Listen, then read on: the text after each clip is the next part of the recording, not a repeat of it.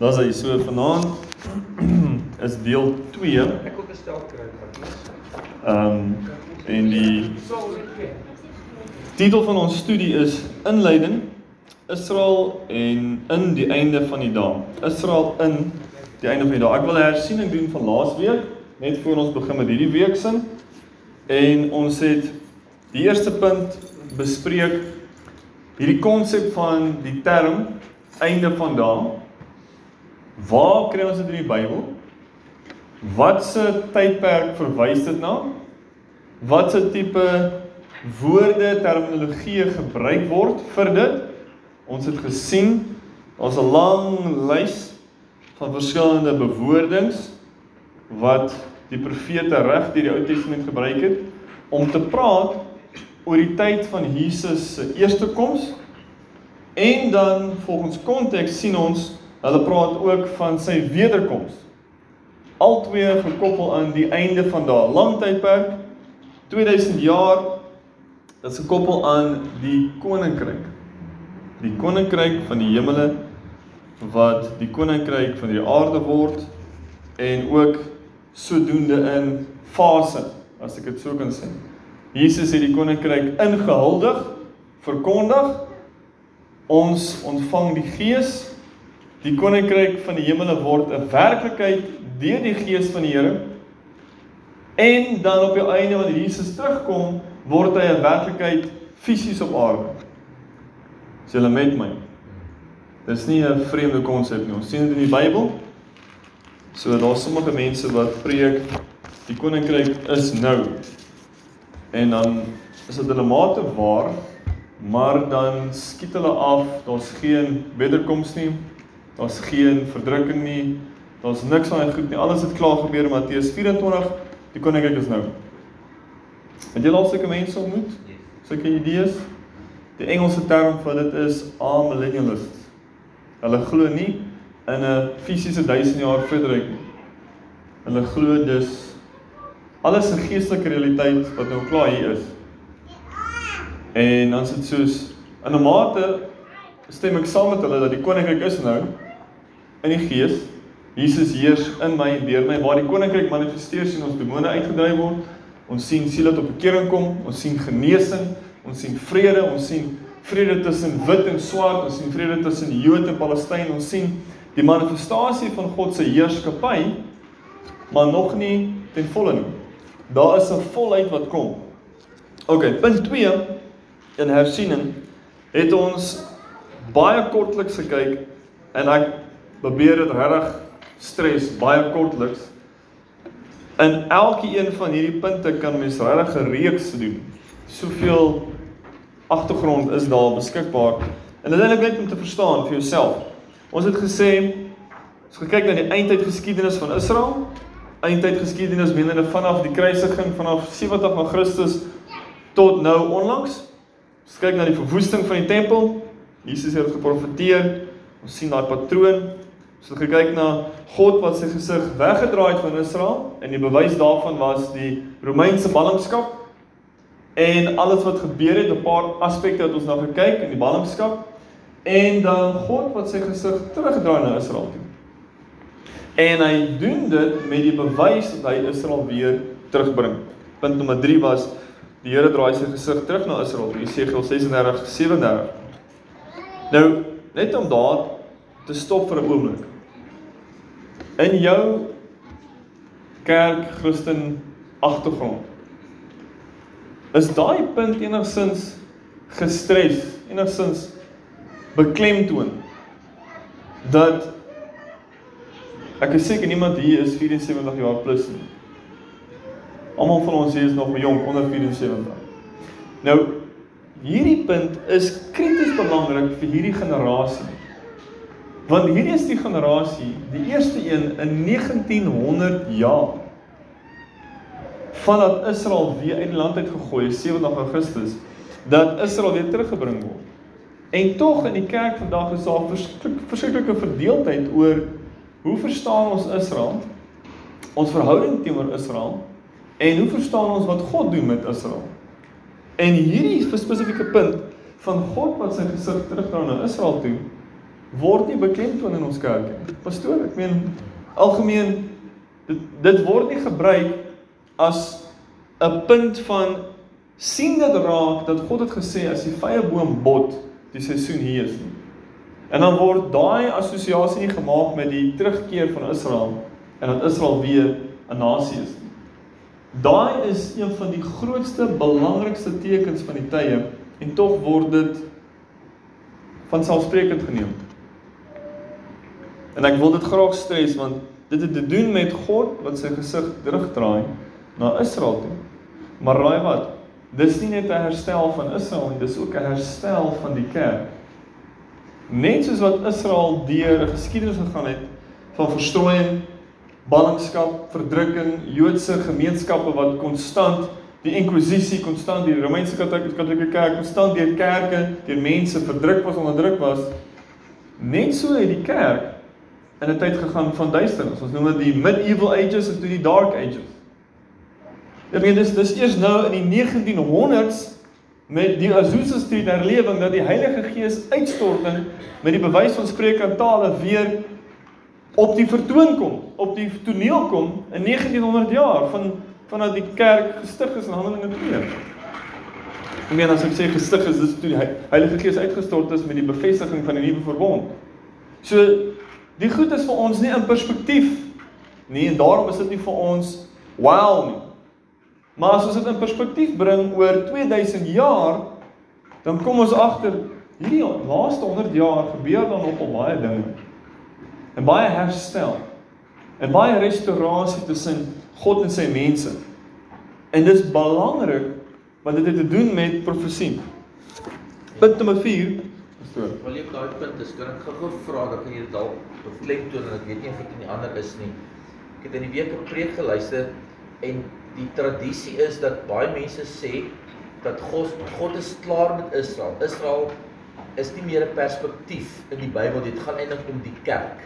Mm. Die die bruid en ehm um, dit as jy die Bybel lees gaan dit nie meer oor hulle nie, maar aan die ander kant sal hulle sê, "Oké, dit gaan om Israel, maar dit gaan ook om die kerk, maar dat God vir elkeen 'n aparte plan en 'n rigting het en daarom kan hulle nie as een gesien word nie, maar God gaan met die kerk anders te werk in die laaste dae as dit met Israel gewerk het. Dan seker goed dat net vir Israel gedoen is en seker goed net vir die kerk en jy kan dit nooit by mekaar uitbring nie. Dis die ding wat ek wil hoor want mense is hmm. verwarrend oor die goed dat ek sê maar dis dieselfde woord waar kan jy uitsny, waar kan jy wegvat en sê hierdie is vir daai ene, hierdie is nie vir daai en hierdie is daar seker goed dit wel so is, maar as ek ek wil glo dat hmm. wanneer die boom ingeënt is en hy het weer een geword dan bly die woord en die beloftes vir almal as kinders van die Here. Daar's wel sprake dat Israel deur God op 'n ander manier behandel word in die laaste dae want baie van die goed gaan om hulle terug te bring. Kan jy ons net oor dit hmm. inlig want die verwardheid is daar as die ouens praat van Israel is uit kerk alleen en dan dan is die twee saam maar eintlik is hulle verskillende God gaan daar anders staan teer in die laaste dae mm -hmm. net hoe voel jy oor dit? So om, om 'n kort antwoord te gee ek dink ons gaan van dit aanraak okay. in in vanaand se sessies. So ons het aan die een kant vervangingsteologie. God is klaar met Israel totaal en al met die verwerping van Christus die vernietiging van die tempel en al die beloftes van Israel in die nuwe verbond kom na die kerk Wie is hierdie kerk? Almal wat glo in Christus. Jood of nie Jood nie. Maar ongelukkig die laaste paar honderd jaar, laaste 2000 jaar, is die meerderheid van die kerk 99% heidens. En die meerderheid het Israel het, het Jesus verloon in die laaste 2000 jaar in die meerderheid. So daai lering sê ons kyk na die Bybel en ons sien nuwe verbond is gemaak maar Israel verwerp Christus, so die nasies ontvang hom. So God is dan by definisie klaar met Israel en daar's nie nodig vir ons om enigstens te lees oor Israel in die einde van daardie dat die Here enigiets met hulle gaan doen. Alles het te doen met ons. Maar nou sien ons Israel as weer op die toneel. So vervangingsteologie het gekom lang jare en toe 1948 kom, toe is Israel weer 'n nasie. Nou krap mense hulle kop. Okay, maar Israel is nou weer hier. Ons het gesê hulle moenie hier wees nie. Wat doen ons nou? Ehm um, Okay, Israel wen al die oorlog, o God. Israel is 'n uh, juweel in die Midde-Ooste. Hulle dis 'n paradys die woestyn. O, oh, Jesus. Wat doen ons nou met hierdie Israel ding? Wag, daar's hierdie goeters wat praat van oorlog en oorlog en so Israel kry al die oorlog. Hulle kry al die pak slaag, hulle kry al die oordeel. En wat as ons dalk weggaan as die kerk voor al die moeilikheid Israel toe kom? Want ons sien daar's nou baie moeilikheid op die toneel. So en ons glo klaar in Christus en hulle doen nie.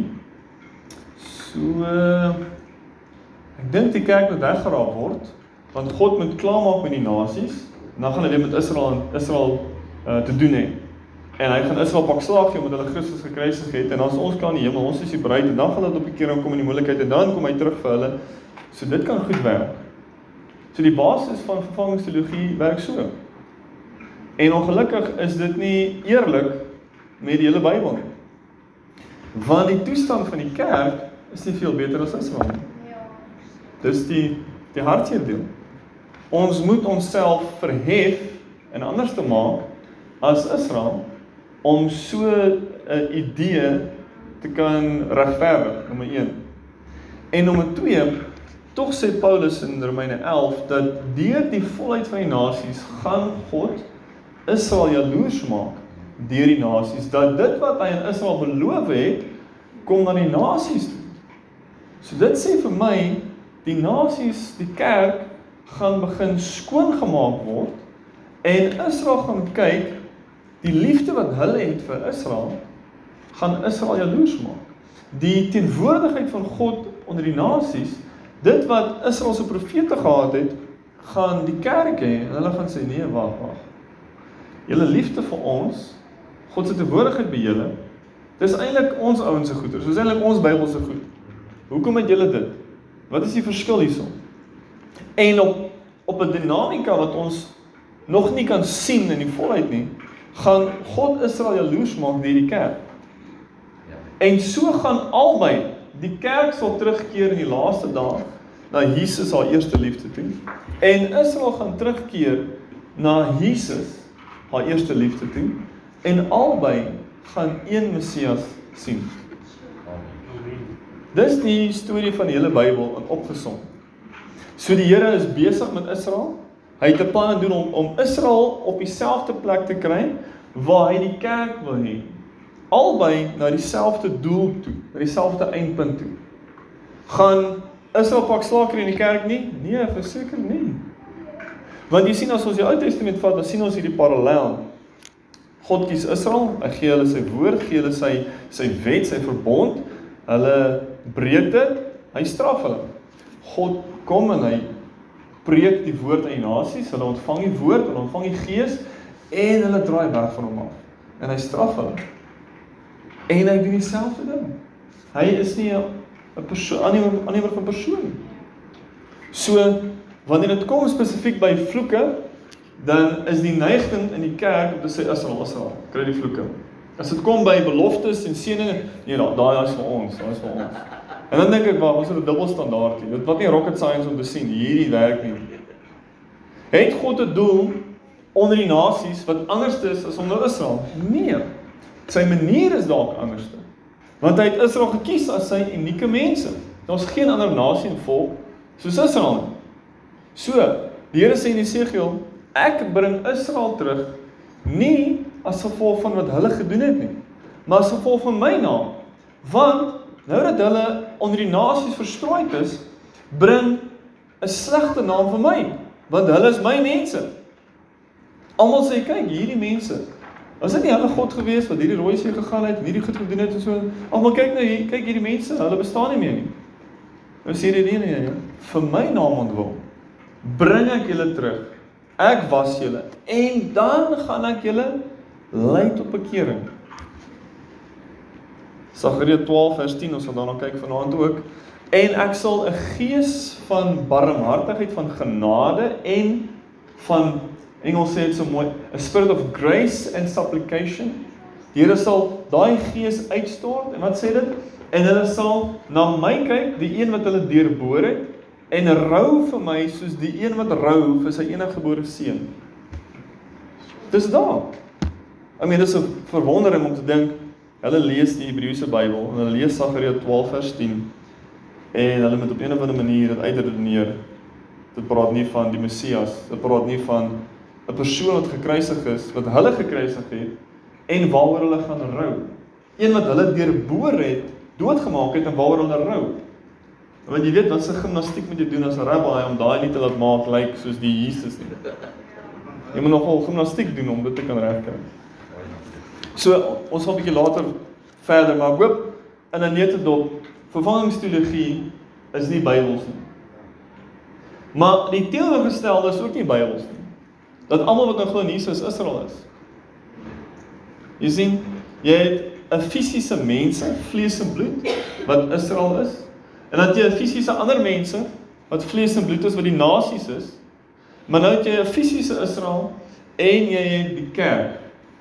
Die kerk bestaan uit Jood en nie Jood nie, almal wat glo in Jesus. Is die uitgeroepe mense van God.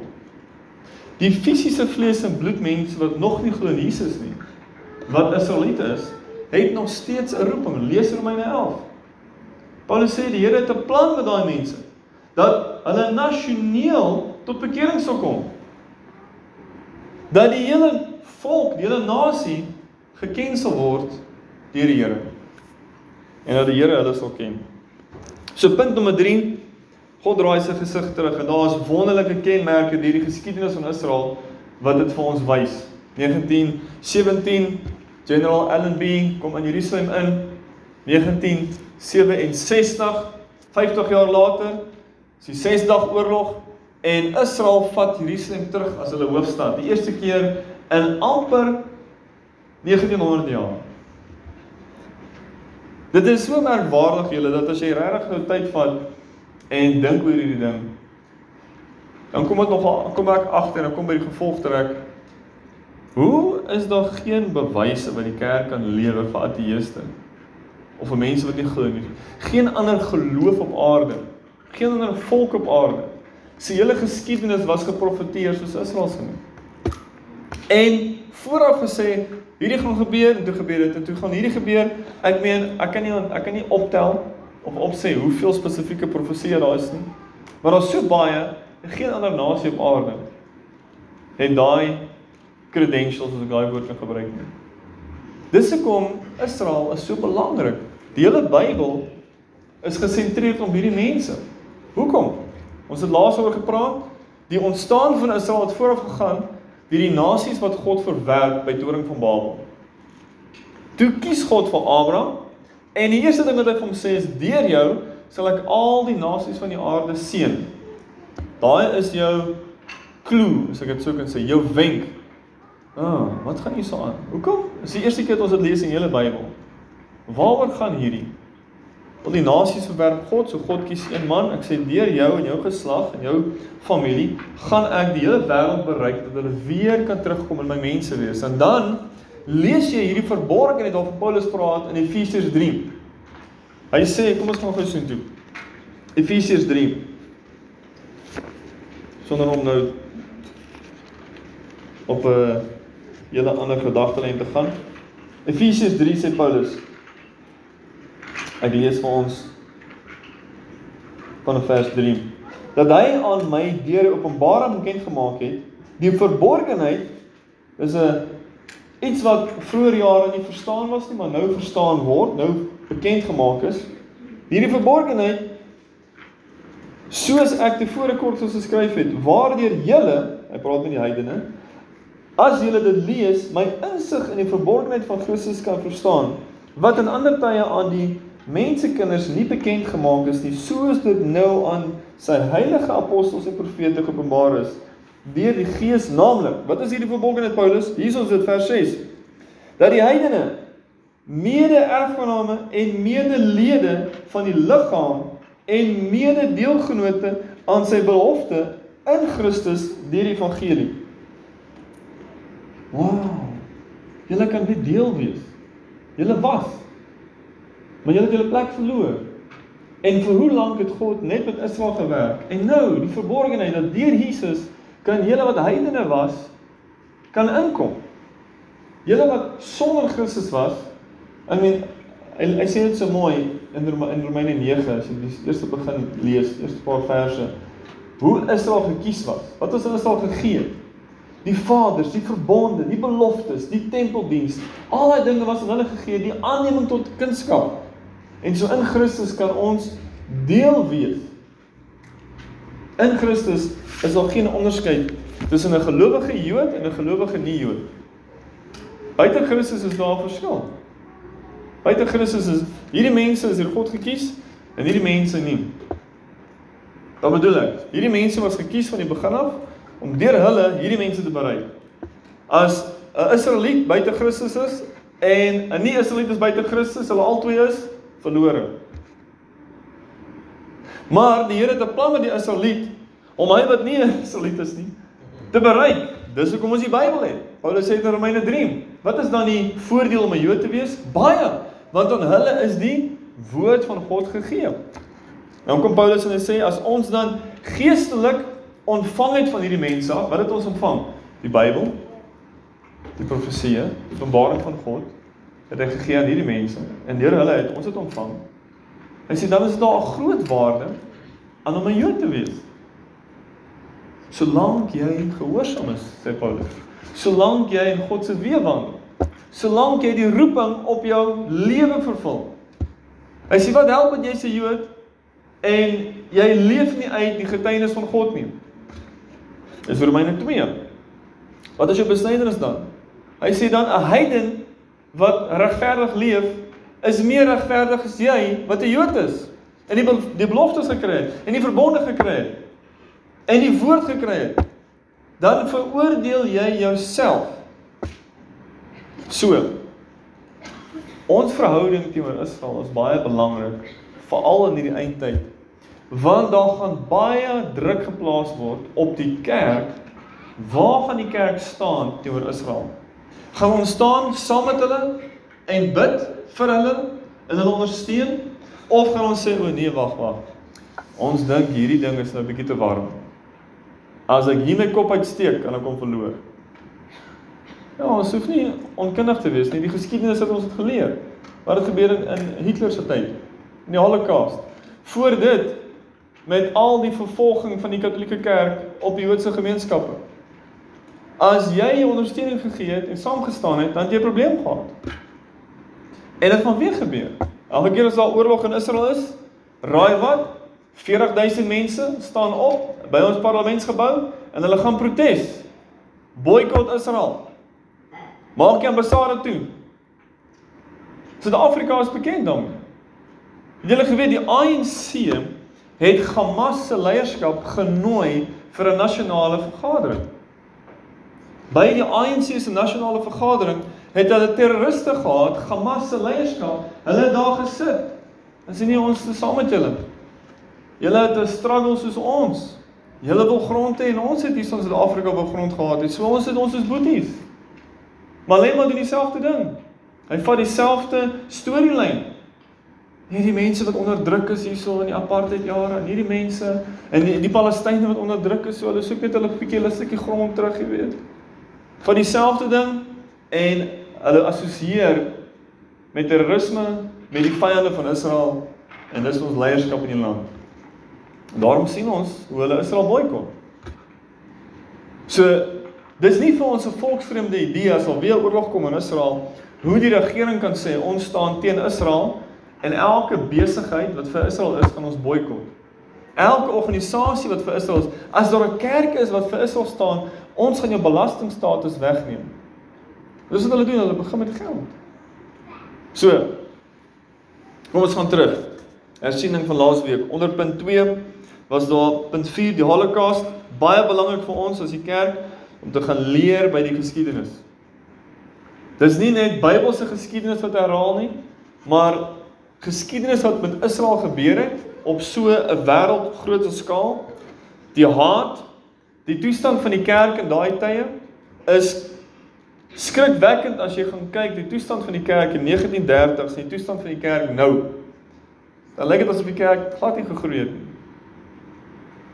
Kyk, ons het maar net 'n idee van die kerk waar ons in aanraking kom met ander kerkse lede, ander Christene. En as jy die meerderheid van die kerk wat wêreldwyd, dan kom jy agter, o, oh, o, oh, baie groot deel van die kerk hou nie van Israel nie. het 'n vervangingsteologie mentaliteit. Baie groot deel van die kerk wil hulle self distansieer elke keer as daar moeilikheid kom met Israel. So hier is 'n baie belangrike punt vir ons. Punt nommer 5. Daarso op een dag is Israel gebore as 'n nasie. Op een dag gaan Jesus terugkom. Daar is 'n dag. Wat is 'n geboorte sonder kraam?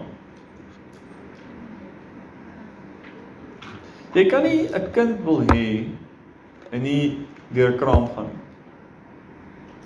So wat is die geboortepyne in die Bybel?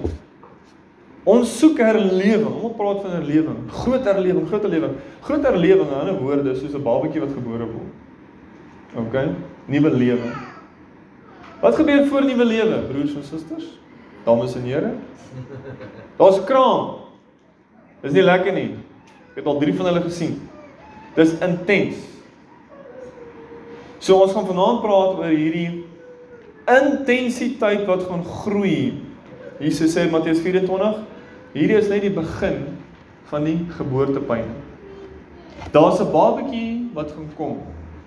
Die uiteinde van hierdie babatjie is die koninkryk van God op aarde. OK? Dit gaan vooraf gaan met as ek dit sou kan sê klein babatjies. Klein openbaringe, herlewing, mense wat op bekering kom visioene, drome, die geestesrelm wat papier ding gaan word. Jy gaan nie die onderskeid kan tref tussen die natuurlike relm en die geestelike relm nie. Albei gaan so een word. Want dis wat ons het in die tuin van Eden. Adam en Eva was een gewees met die geestesrelm. En toe word hulle uitgejaag. Wat gebeur?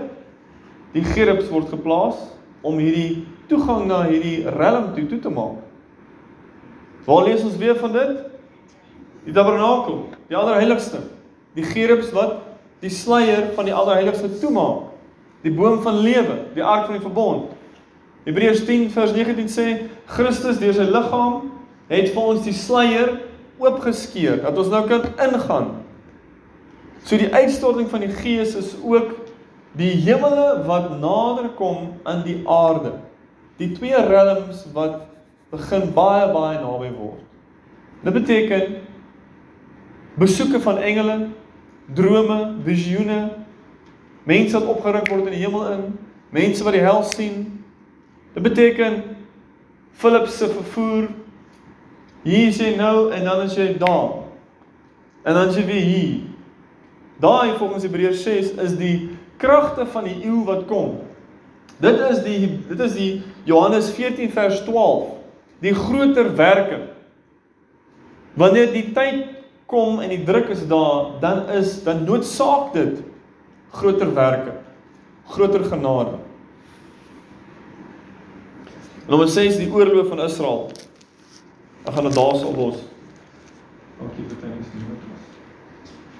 So daai is net so 'n oorsig van laasweek en weer eens ek bemoedig julle gaan lees self en kyk Wat sê die Here vir Israel? As die Here sy verbond met Israel kan breek. Wat gee dit my en jou enigsins vrymoedigheid om te glo hy gaan sy hy gaan sy verbond met ons hou? Dis in is die getrouheid van die Here aan 'n mens wat ontrou is wat ons die bemoediging gee. Hy sal getrou bly met my. Dat as ek ontrou is en ek val en ek bekeer my, die woord sê dis die goedheid van die Here wat ons lei tot bekering.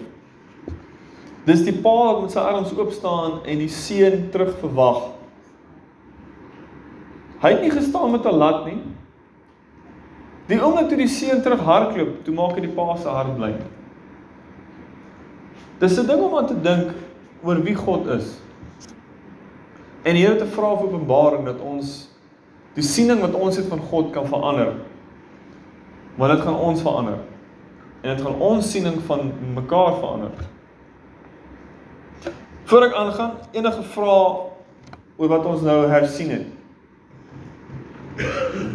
Die eindtyd is 'n lang tyd gekenmerk, die begin Jesus se koms, die einde Jesus se wederkoms.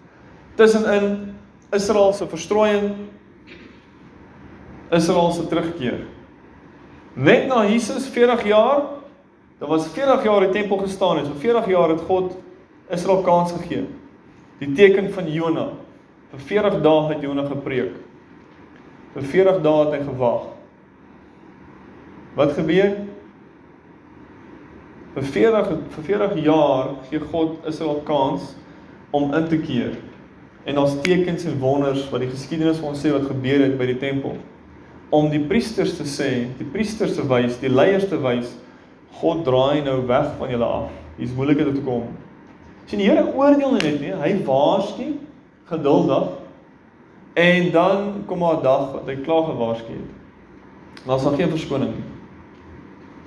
En dan het ons 'n lang tydperk van die kerk in duisternis, Israel in duisternis en nou het ons nou hierdie seisoen van herstel waar ons nou is.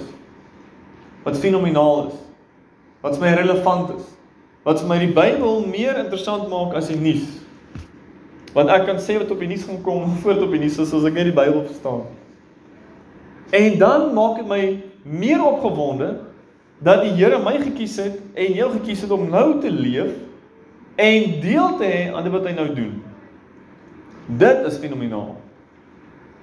Hy wat 'n oor het om te hoor, wat hom hoor, wat die Gees aan die gemeente sê. Dis Jesus se woorde vir elke kerk in Openbaring. So. Oorgees het syne en des nie in staande. Kom ons begin met deel 2. Die inleiding Israel, nou weet ek, het ek nou gesê en die einde van daai, daai is daai is 'n tik fout. Israel in die einde van die dae. En hier is die deel wat nou baie interessant is.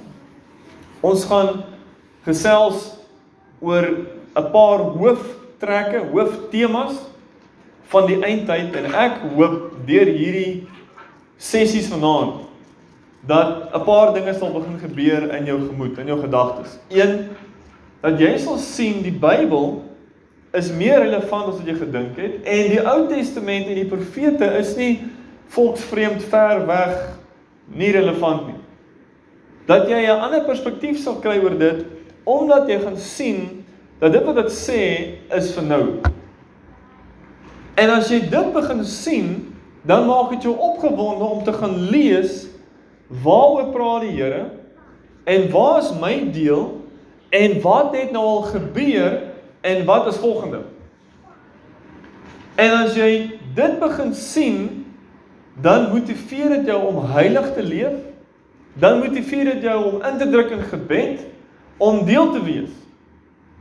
Want ons almal moet ywer en werk vir 'n beloning. Julle weet ons belonings wat kom? Julle weet nie almal gaan dieselfde beloning kry nie. Ja. OK. By die wys van hande, wie van julle wil klein wees in die koninkryk van die hemele? Die minste. Wag, dat ek net mooi kyk. Niemand nie. Wragtig. Julle almal wil julle selfsugtige mense. Kan ons halfpad Ja. Wil jy halfpad wees, broer? So dit dit lyk vir my julle almal wil eerste prys hê. Julle almal wil hê Jesus moet sê, kyk my grootste dienskneg, my grootste geliefde bruid. Weet julle daar's 'n prys staan gekoppel? Daar is 'n prys staan gekoppel. En daai prys is 'n duur prys. Dis sommer so 'n inleiding na hierdie punt 1 hierso die herbou van die tempel. Geen niks, jy kry niks. Jy kan daai neerskryf. Geen niks, ontvang niks. Saai niks, ontvang niks. Oes niks. Gee alles altyd en ontvang alles van Jesus. Jou beloning is nie primêr 'n groot huis in die hemel of 'n groot huis op aarde nie. Kyk, ons moet net onthou Jesus kom aarde toe. En hy gaan hier toe, hy gaan hier wees vir 1000 jaar. En dan is daar 'n nuwe hemel en 'n nuwe aarde. So so is jou is jou beloning 'n groot huis op aarde wanneer Jesus kom? Ek hoop nie so nie. Dit sal lekker wees, maar ek wil nie hê dit moet alles wees nie. Die groot beloning is hy. Jy en hy. Dis die groot beloning. Nou ons moet dan stry en hierdie lewe leef met 'n ywer om alles van hom te ontvang. Dit beteken my keuses, my stokperdjies, hoe ek my geld spandeer, hoe ek my tyd spandeer. Hoe ek maak met mense wat my sleg sê. En ons baie van hulle wat jou kritiseer. Al hierdie klein dinge tel vir Jesus baie meer as die dinge wat ons dink wat groot is. Want ons doen baie meer klein dinge. Praat met my vrou hier, my kinders daar, by die huis, by die werk, jy weet, al daai gesindheid wat jy hou. Die Here gaan beloon. So as ons werklik waar hierdie laaste jare wil uitkoop soos wat Paulus sê, koop die dae uit, koop die tyd uit my dae is boos. Dan kos dit ons so 'n uh, herprogrammeer, herorganiseer, herprioritiseer van ons hele lewens sodat ons kan indruk Matteus 13 sê, daar's 4 verskillende gronde en een saad. Ek dink so in vandag se moderne landbou, ons wil die saad manipuleer omdat die grond sleg is. Weet julle wat doen pastore en mense? Hulle wil die woord van die Here manipuleer omdat die mense se harte hard is. Om dit aan te pas by hulle. Nee nee nee, wat gebeur as jy dit doen? Jy kry 'n vrot oes. Jy kry vrot mense. Ja. Maar as jy die woord vat soos wat hy is, as jy nee, hierdie saad is heilig, ons kan nie hierdie woord verander nie. Ons moet verander. Dan is daar 'n goeie grond wat 30, 60 en 100voudig voortbring. En dit hang af van ons. Ek meen, vat jou vat jou hande so, hou jou hande so voor jou. Kyk na jou 10 vingers.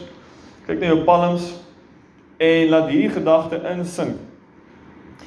Dit hang af van wat jy doen met hierdie hande. Wat jy gaan ontvang van die Here. Nie saligheid nie, beloning vir jou goeie werke. Gaan kyk op in die Nuwe Testament hoeveel keer praat Paulus van goeie werke? Efesiërs 2:10 En daar's goeie werke wat God voorberei het vir ons om daarin te wandel. Vooraf vir ons voorberei. 1 Korintiërs 3 bou jy met goud, silwer, edelgesteentes of met hout, stoppel en hooi. Hy sê die dag sal dit toets met vuur of hierdie hande gebou het met watter tipe materiaal. En hy sê vreeslik is dit as die vuur kom en alles wegbrand. Dink daaraan vir 'n oomblik. Hierdie een lewe wat ons het. Hoe ek werk by die werk. Hoe ek dinge doen by die huis. Hoe ek kerk toe kom. Hoe ek die Bybel lees, hoe ek God soek, waar my hart is, wat is vol van my hart. Die Here sê hy gaan kom. En met 'n vuur. En hy gaan alles wat jy gedoen het, al die motiewe van jou hart, hoekom het jy wat gedoen? Gaan hy kom oopmaak. En die vuur gaan alles wegbrand wat nie van hom af was nie wat nie van hom af was nie. En dan jou lewe is verby. Jy gaan daar staan dalk met 10 sent oor op hierdie altaar wat alles verbrand is. Dan gaan die Here sê daar's jou beloning. Net daai een ding het jy gedoen wat eintlik in my wil was. En ek kan jou daarvoor beloon. Al die res van oor die wêreld vlieg en al die dinge doen en jy's so besig. Al daai het ek nie voor geroep nie. Het jy al gehoor van 'n man met die naam van Kenneth E. Hagin? Nou hy het 'n boek geskryf, Plans, Purposes and Pursuits. Jy kan dit gaan gratis aflaai op die internet, 'n klein PDF. Ek het hom gelees laas jaar November se kant. Want ek wil die Here soek oor wat moet ek doen in my lewe? Wat wat is die volgende seisoen? En ek wil nie net enigiets doen nie, daar's baie wat mense kan doen. Wat jy doen met geïnspireer word uit die Heilige Gees uit sodat jy kan beloning kry want die Here het gesê doen dit. En hy sê daar in daai boekie Hy het Here se aangesig gesoek vir 'n tyd. En die Here het hom toe gekom en hom gesê Kenneth Ek wil nie hê jy moet 'n pastoor wees nie. Ek paraphrase nou as ek dit sou kan sê. Ek sê dit in my eie woorde. Hy was vir 16 jaar 'n pastoor julle van 'n kerk. Hy het gedog dis die Here se wil vir hom. En dog het hom in moeilikheid gekry. En die Here sê vir hom, ek wil hê jy moet 'n 'n reisende leraar wees. Itinerary mission itinerary minister sê Engelse woord. Hy sê Here sê Here ek sal doen. Here sê vir goed so. Nou kom jy in die eerste deel, eerste fase van my perfekte plan vir jou lewe. Oh, 16 jaar te doen. 16 jaar.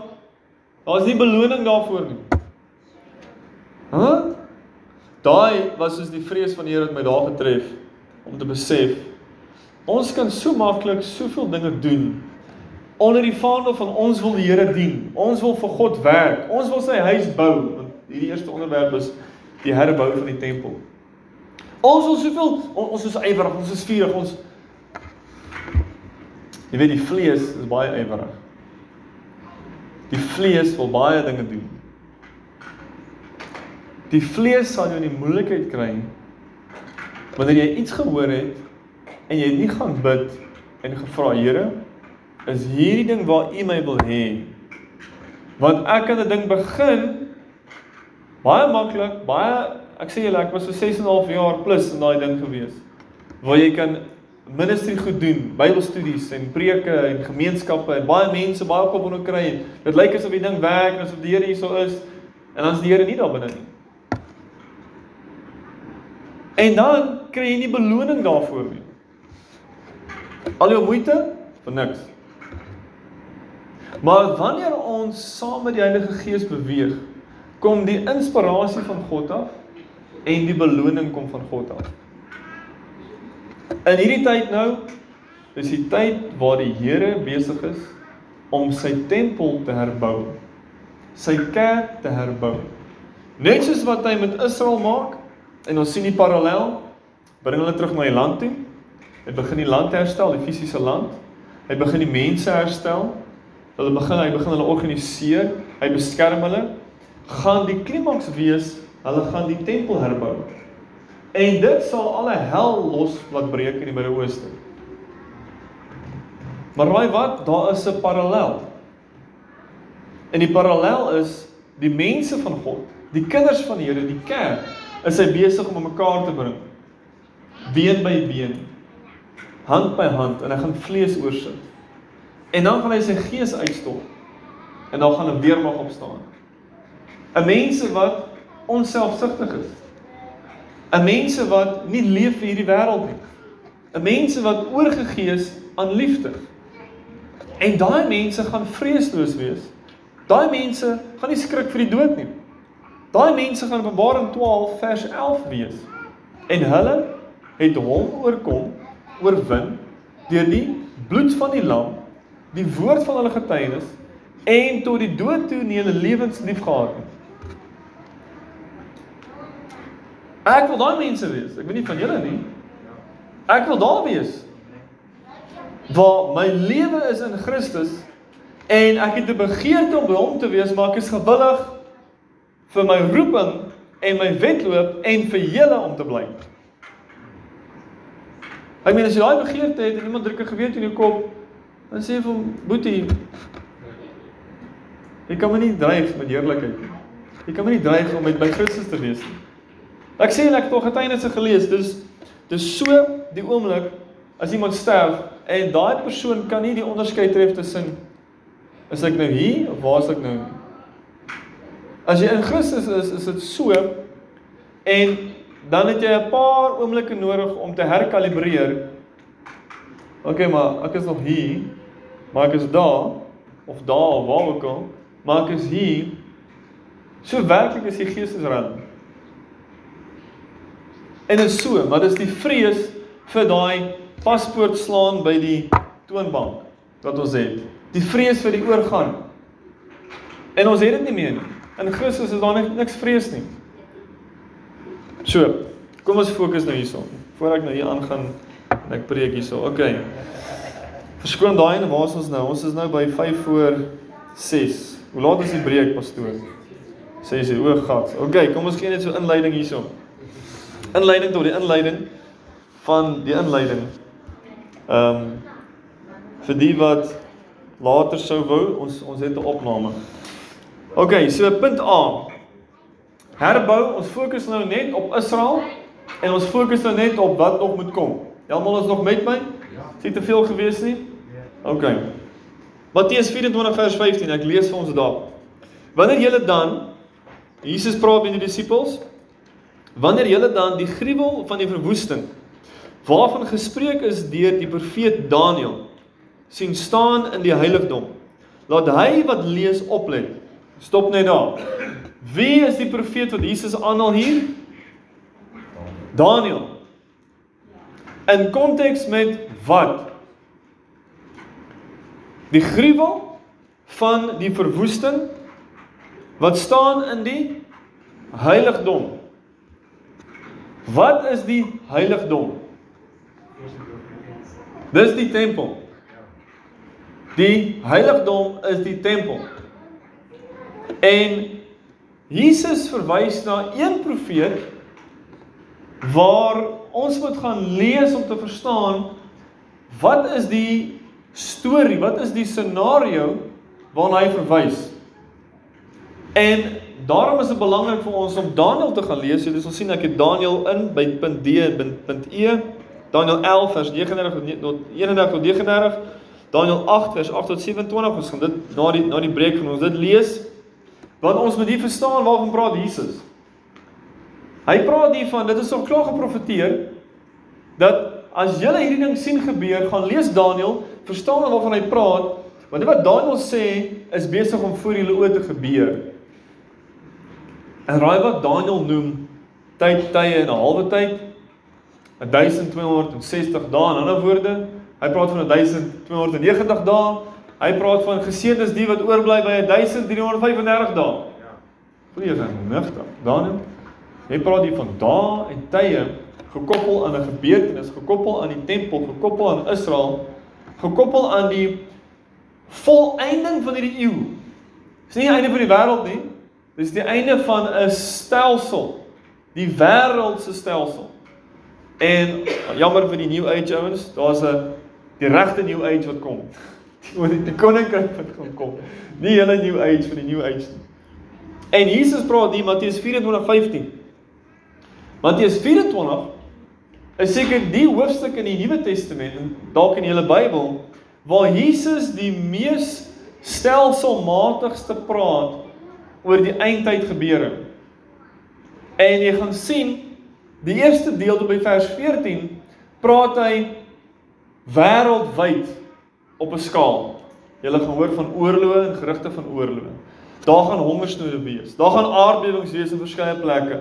Hierdie moenie verskrik wees nie. Hierdie is net die begin van die einde, maar die einde is nog nie. Dis die geboortepyne. En dan vers 14 eindig hy met die evangelie van die koninkryk wat verkondig word aan alle nasies. En dan sal die einde kom. Dis net die volgende versie is hierdie enetjie. En nou fokus hy op Jerusalem. Nou fokus hy op die tempel. En nou sê hy hierson. As jy hierdie ding sien, dis presies wat Daniël gesê het, dit gaan presies so gebeur. Nou baie mense lees Matteus 24 vervangingsteologie konsep. Hierdie het gebeur daar 70 na Christus. En ons hoef nie daar te bekommer nie. Ander mense lees dit hulle sê nee, nee hierdie gaan nog gebeur. Maar hierdie is vir die Jode. En jy sien Jesus praat met sy disippels hier en so dis dis voor die kruisiging soos Ou Testament onder die wet. Hier is Jode en hulle sê okay so dit gaan nie van relevantskap vir die kerk nie. Dan dink ek wag wag wag. Wag wag. Wag hier is Jesus se woorde. En dis nie relevant vir my nie.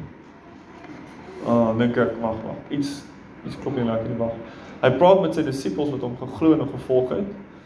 Ehm um, maar nou eintlik al die evangelies is voor die kruis. So eintlik is niemand van hulle relevant vir my nie. Jy sien en dan gaan hulle op daai gedagte af.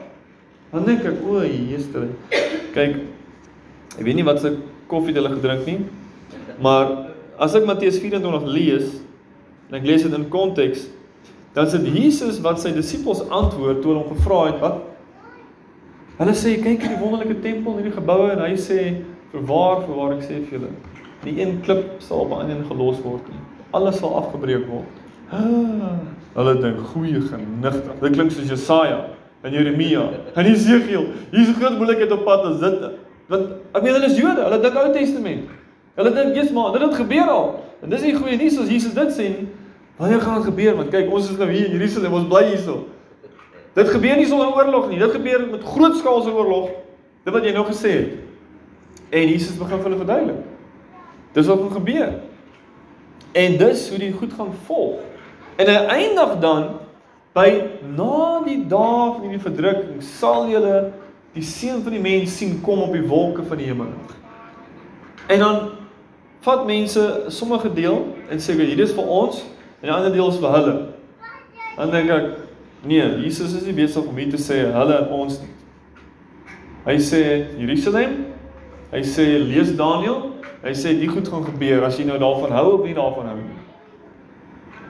Die verskil is as jy my glo en jy versigtig is en jy verstaan Daniël, dan sal jou lewe dalk 'n bietjie makliker wees. Want jy gaan gewaarsku wees. Iemand wat gewaarsku is vooraf is 'n bietjie voorberei.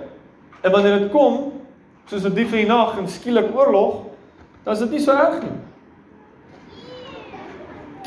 So, punt B en punt C loop eintlik saam. Die idee hier was wat is die duidelikste Nuwe Testamentiese skrifte wat die idee gee dat die tempel in Jerusalem weer moet herbou word. Want baie mense argumenteer en sê nee, ons is nou die tempel en so die anti-kris moet kom binne die kerk ergens en hulle vergeeslik dit, hulle maak dit simbolies in plaas van sê lees dit soos wat dit staan. Daar's plekke waar Paulus kom, 1 Korintiërs 3, 1 Korintiërs 6 en hy sê julle is die tempel van God. OK, so in konteks kan ons Paulus baie mooi verstaan. Ons is die huis van God en die Heilige Gees woon in ons en gemeenskaplik hier by ons. Maar Paulus praat nie daarvan 'n nuwe Israel nie. In konteks kan jy duidelik sien waarvan Paulus praat. Hier praat Jesus duidelik tempel in Jerusalem. Openbaring 11 vers 2. Tempel in Jerusalem. Baie eenvoudig. 2 Tessalonisense 2 vers 4. Tempel in Jerusalem. En al drie daai skrifte is duidelik eindtyd voor Jesus se wederkoms. En in ons dag vandag die 6de Maart 2022 is dit iets wat ons nou verwag wat nog moet gebeur. En ons kan sien hoe die dinge in Israel en Jerusalem stelselmatig in plek is vir suits om te kan gebeur. So ons verwag nog as ons dit reg verstaan, dan moet dit gebeur. En ons Jode wat 'n tempel wil hê en die Tempelberg is nogal 'n baie kontroversiële plek. So ek kan insien as 'n ooreenkoms gemaak word om die tempel te herbou, hoe dit verskriklik baie senuweeagtig gaan gedoen word en hoe enigiets wat daar skeefloop 'n groot ontploffing kan veroorsaak. Wat ons al baie gesien het gebeur het in die Midde-Ooste. Nou net onlangs, ek meen die laaste jaar, Tempelberg, die moslems kom by daar. Hulle wil die Jode weerhou. Daar's 'n onder ons met die polisie, daai ding loop oor en amper soos 'n tweede burgeroorlog. Onder die Wesbank gooi petrolbomme en Jode teen die Palestynë en dis dis 'n verskriklike ding. So ek wil daai drie skrifte heel eers te noem om te sê ek sê die tempel gaan herbou word omdat ek daai drie so verstaan. Gebaseer op dit vat ek Jesus se woorde na Daniël toe en as ons terugkom na die breek gaan ons Daniël lees en ons gaan sien wat sê Daniël want dit loop in dieselfde gedagtelyn na die anti-kris toe en die anti-kris daai konsep en daai tema maak 'n hele wêreld oop in die Ou Testament van wie hy moontlik kan wees en hoe die situasie in die nasies om Israel kan ontwikkel wat sal lei tot hierdie konflik. Waar hierdie persoon die tempel sal ontreinig, die diens stop en Daniël sê as die dag is die offers gestop word, begin die telling. So kom ons vat 'n breek en dan kom ons terug. Dit is ehm um, Johan hulle